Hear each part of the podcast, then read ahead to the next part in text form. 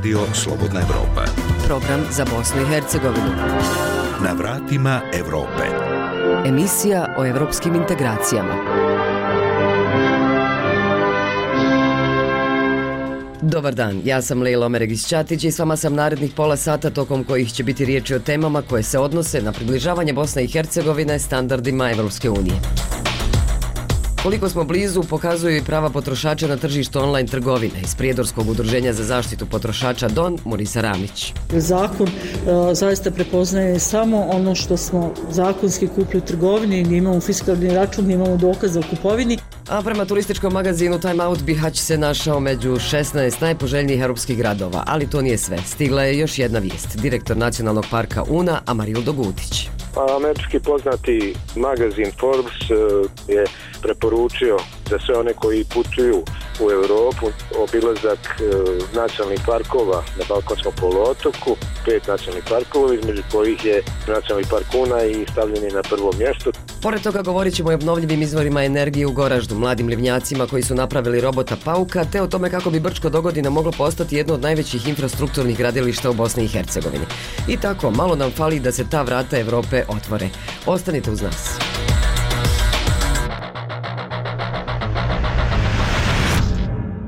Online trgovina u Bosni i Hercegovini je neuređena. Potrošači se suočavaju sa lažnim oglašavanjem cijena, prezentacijom modela, garantnim rokovima, povratom robe i sl. Kažu to predstavnice Udruženja potrošača iz Doboja i Prijedora. A njihov projekat pod nazivom Doprinos Udruženja potrošača u zaštiti prava potrošača u BiH u skladu s pravilima Evropske unije o i-trgovini finansira Evropska unija u BiH. O tome je više saznao Arnes Grbešić. Elektronskim poslovanjem u Bosni i Hercegovini samo preko društvene mreže Facebook ostvari se dnevni promet veći od 5 miliona maraka.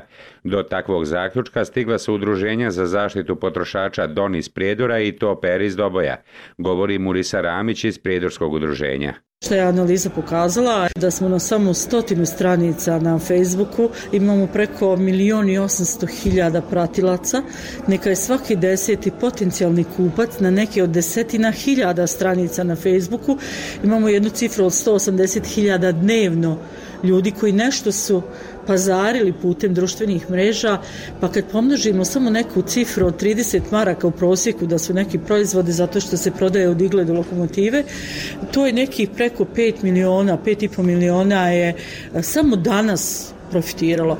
Mi smo svjedoci da je sve veći broj brzih pošta koje su u našoj zemlji, sve više kombija vidimo različiti, znači jako puno posla ima vezano za ovu trgovinu.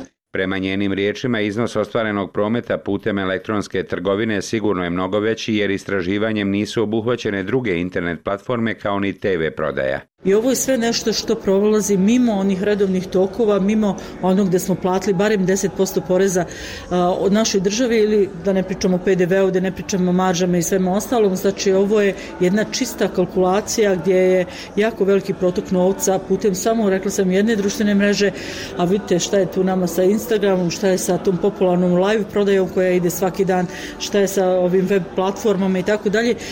Ovdje je očigledno jedno vrlo neuređeno tržište, i te kako se trebaju policijski organi uključiti u ovu priču i sve veći je broj naravno pritužbi potrošača koji ne mogu da ostvare svoje potrošačko pravo jer zakon e, zaista prepoznaje samo ono što smo zakonski kupili u trgovini gdje imamo fiskalni račun, gdje imamo dokaz o kupovini, gdje imamo adresu, gdje imamo nekog gdje možemo da vratimo proizvod. Predstavnica Dobojskog udruženja Toper Snežana Šešlija. Ove godine imamo 78 potrošača koji imaju kompletiran predmet, dakle imaju sve ono što možemo nazvati prigovorom i prijavom, a imamo jako puno informacija koje nismo u stanju provjeriti jer ne znamo uopšte ko je, ko je krajnja instanca za provjeravanje. Jer ona najgora varijanta koja se nama dešava jeste da recimo potrošač kupi određen proizvod, misli da je legalno jer ga je kupio preko neke platforme ili na bilo koji način ovaj, preko interneta i na kraju ako nešto nije u redu s proizvodom, kad pokušamo doći do krajnjeg eh, prodavca ili trgovca, on kao da ne postoji. Udruženja iz Doboja i Prijedora uz finansijsku podršku Evropske unije realizuju projekat pod nazivom Doprinos udruženja u zaštiti potrošačkih prava u Bosni i Hercegovini u skladu sa pravilima Evropske unije o elektronskoj trgovini. Mi radimo po proceduri, po zakonu, dakle sve zavisi koje, prvo moramo otkriti o kome se radi, da li je legalna ili nelegalna trgovina, ove, ako je legalna da ih uključujemo, sve radimo po zakonu zaštiti potrošača, ulaže se reklamacija, prigovor i to najčešće učešće smo uspeli da ovaj, dovedemo do kraja, odnosno dovedemo do toga da se prizna ovaj, reklamacija ili prigovor potrošača. Međutim, nama je ovo veliki problem jer nam to stoji na nekom nivou gde nismo čak ni sa inspekcijom uspeli da uradimo ovaj, onako kako bi trebalo, a ono što nama najviše u, ovoj, u ovom momentu gde, gde Toper ima najveći problem jesu eh, ingerencije inspektora jer ako je online prodaja, ponekad se čak i ne zna iz kog grada je trgovac, ovaj, znamo samo prema onima koji nam dovoze robu. A evo šta o online trgovini kažu Simuna Fikret, Nina i Daliborka iz Doboja. Evo patke, vidite, evo naručene, dobra, zadovoljna. Snaha mi naručuje, ja baš i ne znam. Sve u redu bilo što naručio i to je to stiglo, sve ispoštovano kako je i dogovoreno bilo. Naručivo sam, na primjer, za, za bebu kolica i to sve bilo u redu. Došlo je preko interneta naručeno i došlo sve kako treba. Zato što nije bila na stanju vam u trgovini pa sam naručio online. Ne imam negativnih nekih uh, iskustava, uglavnom je dobro sve. Mislim, uzimam, uzimam e, internet uh, kupovinu, ali ne imam nešto negativno. Nemam nikakvog iskustva, apsolutno nikakvog. Nisam imala potrebe do sad, ne znam. Više volimo pipljive ovako stvari. Bosna i Hercegovina, za razliku od drugih zemalja regije, nema zakon o elektronskoj trgovini. Na to se odnosi nekoliko članova entitetskih zakona, što nije dovoljno. Radi uređenja internetske trgovine, Udruženja za zaštitu potrošača krenula su sa formiranjem radne grupe za unepređenje okvira potrošačke politike, u što su uključene relevantne institucije iz svih dijelova Bosne i Hercegovine. Za radio Slobodna Evropa iz Doboja, Arnes Grbešić vratima Evrope. Vijeste da je turistički magazin Time Out uvrstio Bihać među 16 najpoželjnijih evropskih gradova koje treba posjetiti, sa oduševljenjem su dočekali Bišćani koji se posljednjih godina trude obogatiti turističku ponudu tog kraja i učiniti je što privlačnijom za posjetioce. I dok brojni evropski mediji još prenose tekst o 16 najboljih evropskih destinacija, upravo je stigla i vijest da je američki magazin Forbes svojim čitaocima predložio da obavezno planiraju posjetu nacionalnim parkovima u Evropi, stavivši pritom na prvo mjesto nacionalnih Nacionalni park Una. Da čujemo šta je zabilježila Azra Bajrić. Londonski turistički magazin Time Out, koji postoji 53 godine, smatra da je Bihać među najljepšim evropskim destinacijama. Njihov tekst 16 najboljih gradskih odmora u Evropi za 2022. prednio je prestižni Daily Mail u svom online izdanju, a u gradu na Uni izazvao je oduševljenje prvenstveno u turističkoj zajednici Bihaća, koja je posljednje tri godine realizirala nekoliko zanimljivih i atraktivnih projekata, koji su privukli brojne posjetioce, kako strane, tako i domaće, osobito u vrijeme pandemije. Armin Amidžić, direktor turističke zajednice Bihaća. Sigurno da je ovo dobar poticaj za našu destinaciju koja je posljednjih godina biloži uzlaznu putanju i po broju posjeta i po broju turista, po broju ulaganja u infrastrukturu. Sve više ljudi svjesno da je Bihać jedna od najposjećenijih i najljepših destinacija u Bosni i Hercegovini i na tom se cilju e, nastojimo profilirati.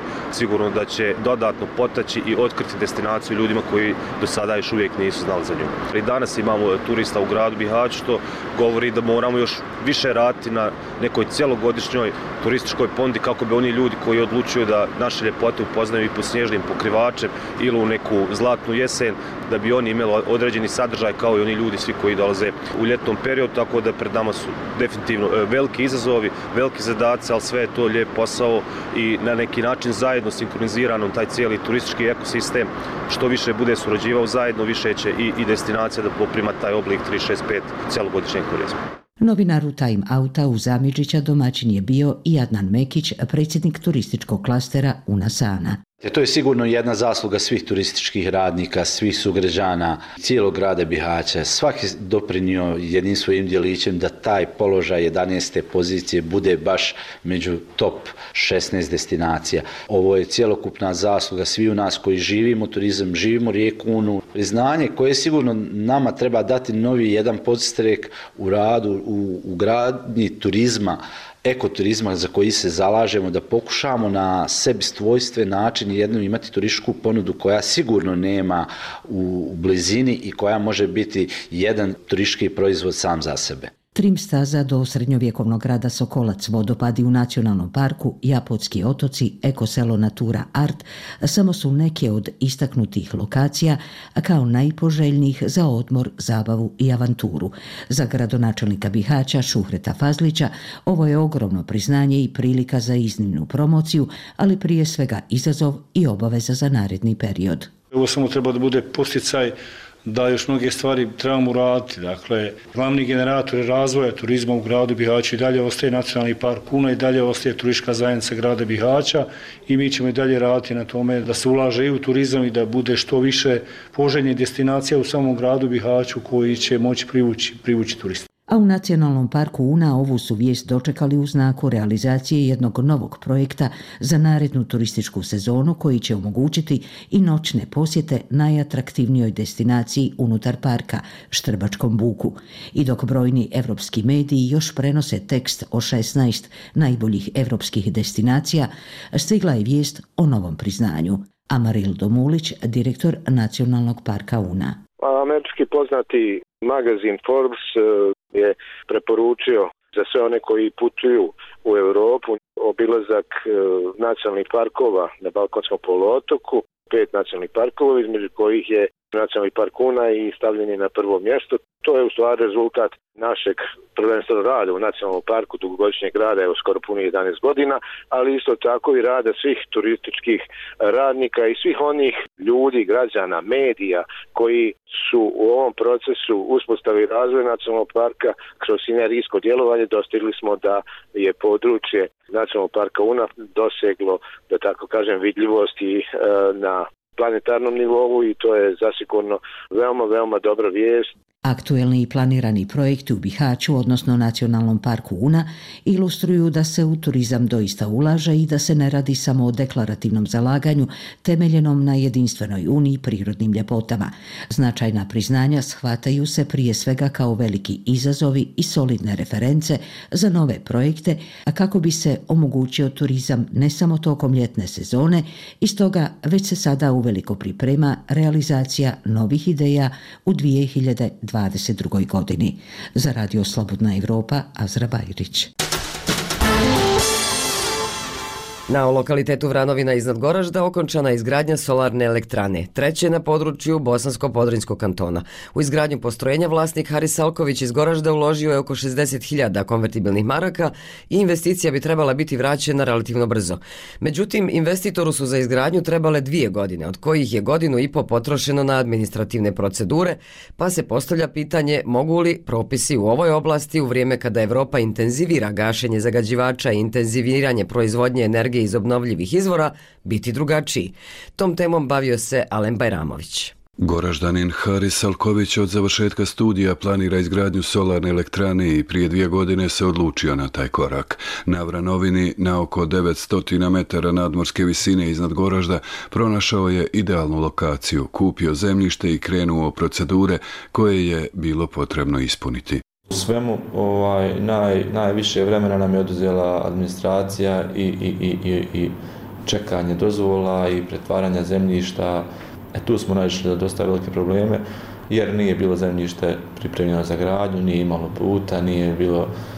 Dvije godine smo potrošili sve ukupno ovaj, da, da bi, da bi doveli do, do neke faze realizacije, da možemo reći da čekamo samo još spajanje mrežu, da smo mi svoj dio ispoštovali kompletan. A u te dvije godine sigurno smo na godinu i po izgubili na administraciju i na, Jes da je bila i korona, razumijemo sve, nisu, nisu baš ni, ni, ni gradska uprava, ni, ni kantonalno, kantonalno ministarstvo nisu radili po kapacitetom, tu je utjecala i korona, ali ne baš toliko koliko, koliko se razvuku kompletno proces. Uz posljednju koju je izgradila Harisova firma A&A Synergy u Bosansko-Podrinskom kantonu Goraždara nije su izgrađene još dvije solarne elektrane. Ova na Vranovini drugačija i po tome što su zbog visokog snijega na takvim nadmorskim visinama solarni paneli montirani na čvršćoj konstrukciji. Tu se radi o konstrukciji, dakle čočnoj konstrukciji koja je domaća proizvodnja i koja je na neki način patentirana od domaćih inženjera koji su nju razvijali ovaj, zajedno sa našim, sa našim izvođačem radova. Sve dosadašnje konstrukcije koje su radili solarni paneli su rađene na aluminijskoj konstrukciji. Ta aluminijska konstrukcija, znate sami, taj materijal nije baš ovaj otporan na, na vjetrove i na, na, na težinu koju izaziva snijeg najviše. Salković je spreman, a već je imao i razgovore pomoći svima koji se odluče na sličan korak, ali ističe da početna sredstva nisu problem, već mnogi odustaju zbog kompliciranih i dugotrajnih procedura. Ekonomska računica je vrlo dobra i to je nešto što privlači sviju, ali odbija ovaj drugi, drugi, drugi dio što smo već rekli. Ovaj, otprilike isplativost investicije je za nekih 5,5 do 6 godina, s tim da se tu računa na posticaj državi koji traje 12 godina od pokretanja proizvodnje. Otprilike sada na tih 23 kW je pola-pola. Koliko plaća ovaj, država posticaj, toliko se dobija neka referentna cijena od, od, od, distribucije od elektroprivrede. Jer oni kupljuju tu struju, a dodatno na taj račun dobijamo i, i posticaj od države na, u roku 12 godina. To ima isto privuk koliko što je to neka dugoročna investicija koja je isplativa, ne možemo reći sigurno, ali je isplativa zato što stoji iza nje na kraju krajeva i država, stoji potreba za električnom energijom koja vidimo svakim danom da je sve veća i veća. Iako je Bosna i Hercegovina izvoznik električne energije, veliki problem predstavlja činjenica što je većim dijelom proizvodi sagorjevanjem uglja u pet termoelektrana. Strožije mjere Evropske unije u cilju smanjenja emisije štetnih plinova i dodatno oporezivanje svakog megavata proizvedenog iz takvih izvora, upozoravaju stručnjaci, izvoznika bi mogle pretvoriti u ovisnika o uvozu energije. Istovremeno, Bosna i Hercegovina ne koristi sunce i vjetar kao resurse koje ima na raspolaganju. Problem u federaciji su zakoni, kaže Denis Žiško, koordinator programa Energija i klimatske promjene u Centru za ekologiju i energiju Tuzla. Posebno zakon koji je usvojen negdje 2013. koji je u stvari uveo taj termin feed-in tarifa, to znači zakon o korištenju obnovljivih izvora energije i efikasne kogeneracije 2013. kojim su u stvari vladajući opet duboko zarovili u, u, u džepove građana Federacije BiH uz opravdanje da se pokušava u, ispoštovati obaveze koje smo preuzeli u procentualnom učešću obnovljivih izvora u proizvodnje električne energije. Propisima koji su na snazi građanima se preko računa za utrošenu struju naplaćuju i naknade usmjerene u fond za subvencioniranje proizvodnje energije iz obnovljivih izvora, a onda je kroz dodatne pravilnike taj novac usmjeren u džepove privilegiranih. Prvo, na taj način je praktično blokirano masovno širenje obnovljivih izvora, zato što su svi željeli da dobiju da se uključe u to kvote gdje se energija ta subvencionirala više struko posebno iz solara a kvote su jako brzo popunjene, probrani, privilegovani, ovaj, gdje su oni zaradili milione u ovih zadnjih 7-8 godina za energiju koju su proizvodili iz obnovljivih izvora, koja u stvari je nerealno skupa i nije u praktično doprinjela onom konačnom cilju, a to je širenje korištenja obnovljivih izvora za proizvodnju električne energije. Tako da su imali taj dupli benefit. Prvo miliončići u njihove džepove, iz naših džepova, a drugo blokiranje širenja. Trenutna zakonska rješenja tako ne poznaju takozvane prozjumere, potrošače, građane ili firme koji bi postali i proizvođači struje tako što bi na krovovima svojih kuća ili zgrada instalirali postrojenja. Ekološka udruženja i eksperti koji su još i prije usvajanja ovakvih propisa vidjeli da oni ostavljaju prostor za mahinacije, a ne doprinose općem interesu, očekuju da oni budu izmijenjeni kako bi se eventualne zloupotrebe onemogućile, a proizvodnja struje omogućila omogućila svima. Međutim, novi prijedlog zakona već duže od dvije godine stoji u latici, pa ćemo do njegovog usvajanja i dalje svjedočiti mukama investitora poput Harisa Salkovića, koji se za te dvije godine bore sa procedurama. Za radio Slobodna Evropa iz Goražda, Alen Bajramović. Emisiju Na vratima Evrope možete i pročitati na našoj web stranici slobodnaevropa.org. Edukacijski razvojni park Horuk zajedno sa srednjom strukovnom školom Silvije Strahimir Krančević iz Livna već treću godinu zaredom organizuje STEM radionice kako bi popularizirali takozvana STEM zanimanja. Tema posljednje radionice bio je STEMI, robot Pauk, kojeg su polaznici radionice potpuno samostalno sastavili i programirali. Projekat je realizovan uz finansijsku potporu Federalnog ministarstva razvoja, preduzetništva i obrta, a za školu je to bio još jedan iskorak na planu izvrsnosti i prekograničnoj saradnji. Priču ima Željka Mihaljević. Pet timova sa po tri učenika uz pomoć mentora stekli su nove spoznaje i praktično iskustvo povezujući školske sadržaje s modernim tehnologijama, a izrada STEMI robota koji hodaju i plešu na naredbe koje su im programirali predstavljala im je posebno zadovoljstvo. Kazali su nam to Gabriel Perković i Merijem Gurda, učenici devetog razreda osnovne škole Ivan Goran Kovačić u Livnu. Mi smo napravili e, funkcionalnog robota, e, napravili smo aplikaciju, ali smo i 3D modelirali jedan njegov e, dio. E, znači, robot, e, aplikaciju smo napravili da se može e, kretati naprijed, nazad, desno, lijevo. Pored toga postoji i STEMijava aplikacija koja je svima dostupna. Mi smo htjeli napraviti svoju da naučimo a, nešto novo i ne, neko novo iskustvo da imamo. Jedno od najljepših iskustava u životu, prvo sam se prijavila, hajmo reći, na nagovor roditelja jer sam išla na informatiku i onda mi je bilo na početku ono jao, šta ako zeznijem nešto, ali stvarno profesori su bili predivni, stvarno svi smo bili onako prijateljski nastrojeni jedni prema drugima i najzanimljiviji dio mi je bilo samo slaganje ovih stemi robotića. Većina nas e, međusobno nije poznavala, neki jesu išli u razred skupa, ali e, jednostavno meni je bilo lijepo kako smo svi skupa, kako smo se našli, kako smo se udružili. Imamo taj zajednički interes e, da napravimo nešto novo, nešto uh, za buduće generacije, da e, prenosimo njima svoje znanje možda i evo, to je meni bilo jedan od najljepših dijelova samog ovog STEMI radionica u potpunosti. Cilj radionice bio je okupiti djecu mlađih uzrasta, pred njih staviti zadatke koji potiču kombiniranje svih dosadašnjih znanja, učenje novih, detaljnu analizu i logičko promišljanje. Naglasio je to Josip Maglica, voditelj edukacijskog parka Horuk i profesor u Livanjskoj srednjoj školi. Paket uh, STEMija je sam po sebi prazni paket koji smo dobili i mi smo morali znači proći sa djecom i 3D modeliranje i 3D printanje i programiranje mobilne aplikacije i Arduino programiranje, znači nekih 4-5 zanimanja u jednom da bismo na kraju dobili taj finalni proizvod, odnosno robotića koji pleše, koji na naše naredbe uh, radi nešto što mi zadamo interaktivna edukacija, jer na kraju dobijemo finalni proizvod. Većinom je učenje a, suhoparo, monotono, znači učimo neke stvari koje ne možemo primijeniti, a ovdje upravo te stvari koje naučimo odmah primijenimo na, na Semirobotiću. Projekt je realiziran uz financijsku potporu Federalnog ministarstva razvoja, poduzetništva i obrta, a Livanjska srednja strukovna škola je s edukacijskim razvojnim parkom kojeg je iznjedrila još jednom pokazala da inovativnim programima i usmjerenjima nastoji ići u korak s novim tehnologijama i zahtjevima tržišta rada. Nastavak je to projekta izvrsnosti kojim je strukovna škola iz Livna preko Hrvatske već ušla u Evropu.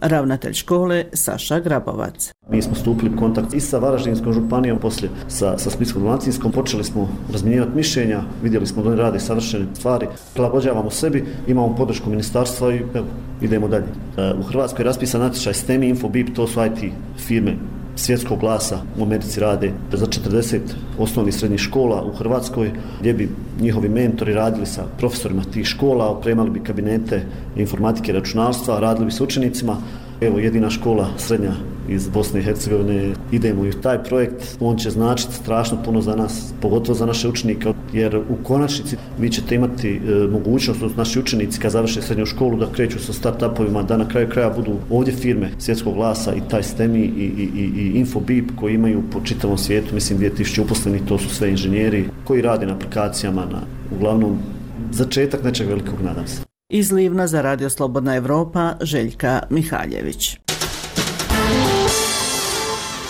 Izgradnja brze ceste Oraš je Tuzla, elektrifikacija pruge Tuzla-Vinkovci, kao i plinovoda koji iz Srbije i Hrvatske prolaze kroz Brčko distrikt, bila su temom niza sastanaka vođenih posljednjih dana u tom gradu.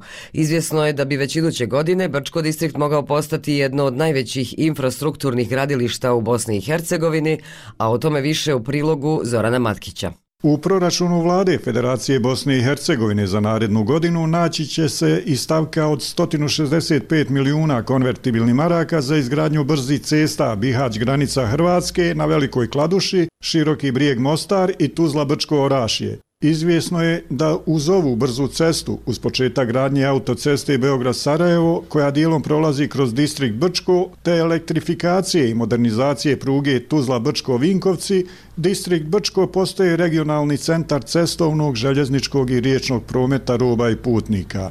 Premijer Federacije Bosne i Hercegovine Fadil Novalić. Ne čekajući dakle čak ni ovaj red koji je vezan za projekat e, dakle od Beograda do Sarajeva turski, to svakako ne isključuje ovo naše djelovanje. Mi želimo to preteći i početi raditi sljedeće godine. E, idejni projekat se dakle radi za ovaj projekat, znači u autocestama i e, sad smo rekli da se i u e, plinu otvori idejni projekat, odnosno i glavni projekat za e, plin. Eh, istovremeno smo željeznicama naložili da rade idejni projekat za elektrifikaciju. Dvije od ove tri tačke imaju veze s Hrvatskom. Znači, radi se o interkonekcijama, to su željeznice, Dominkovaca, elektrifikacija i plin, znači prelazi, jel, nadam svojim i županje, interkonekciju prevest, tako da će vlada federacije kroz dva, dva ministarstva uputit, znači vijeću ministara zahtjev za kontakt sa hrvatskom stranom. Ali bez obzira na sve to, mi ćemo to jel, raditi zato što je to sve na teritoriji federacije. Tuzlanski kanton zbog neizgrađene adekvatne cestovne infrastrukture desetljećima je u svojevrsnoj izolaciji i blokadi. Kadrija Hođić, premijer Tuzlanskog kantona. Mi smo sa ova tri projekta napravili značajan pristup toj deblokadi. Naravno sa prvim projektom koji podrazumijeva autocestu Tuzla Brčko Raše, što je za nas jako bitno s obzirom da do sada nismo imali niti jedan metar autocesta, niti jedan metar dakle, brzi cesta, a i sama struktura, dakle magistralni cesta je bila jako ovaj, oskudna, čak najoskudnija ako se to recimo gleda po broju stavnika.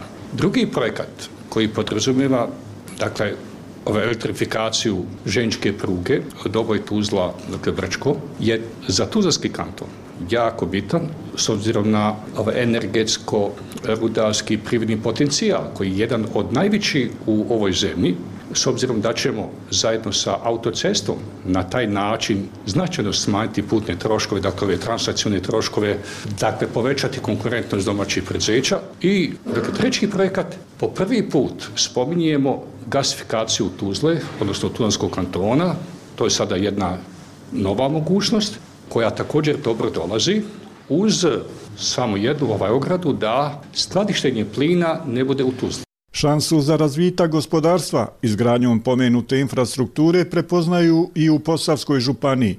Premijer vlade Posavske županije Đuro Topić. Za nas iz e, županije Posavske jako bitne dvije teme, autocesta Tuzla Brčko Oraše, ovoga, za koju se nada će, evo kako je rečeno, iduće godine krenuti sa konkretnim kilometrima izgradnje i e, plinifikacija ovoga, e, ovoga dijela Suristične Bosne i Hercegovine gdje bi evo ta plinska mreža treba uključivati županiju Posavsku, odnosno njen istočni dio. E, mi u Posavskoj županiji smo već pripremili prostorni plan koji je ulazio dan u javnu raspravu i vjerujem da ćemo za 3 do 4 mjeseca biti spremni dakle, prihvaćanje tog prostornog plana za realizaciju ova dva jako bitna projekta. U Brčkom su svjesni da najavljena izgradnja infrastrukture najveće benefite donosi ovoj lokalnoj zajednici. Stoga ne kriju zadovoljstvo najavljenim početkom radova krajem iduće godine. Brčanski gradonačelnik Esed Kadrić. Ako vam kažem da ja prvi puta istinski osjećam da će doći do realizacije već oko autoceste od Tuzle e, prema distriktu Brčko i Orašju, praktično se krenuti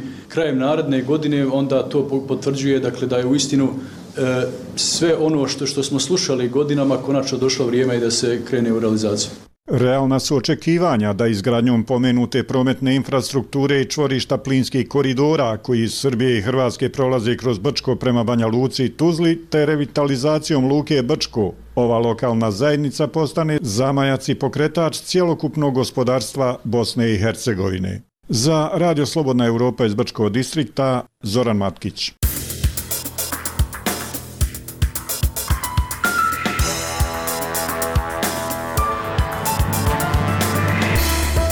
Toliko u današnjoj emisiji. Sve naše sadržaje možete naći na web stranici slobodnaevropa.org, dok podcaste za viri ispod površine glaso mladih između redova, osim na web sajtu potražite i na Facebooku i Twitteru, kao i na Spotify, Google podcastima i iTunesu. Sa vama su proteklih pola sata bile Svjetlana Petrović i Lejla Omeregić-Ćatić. Do slušanja.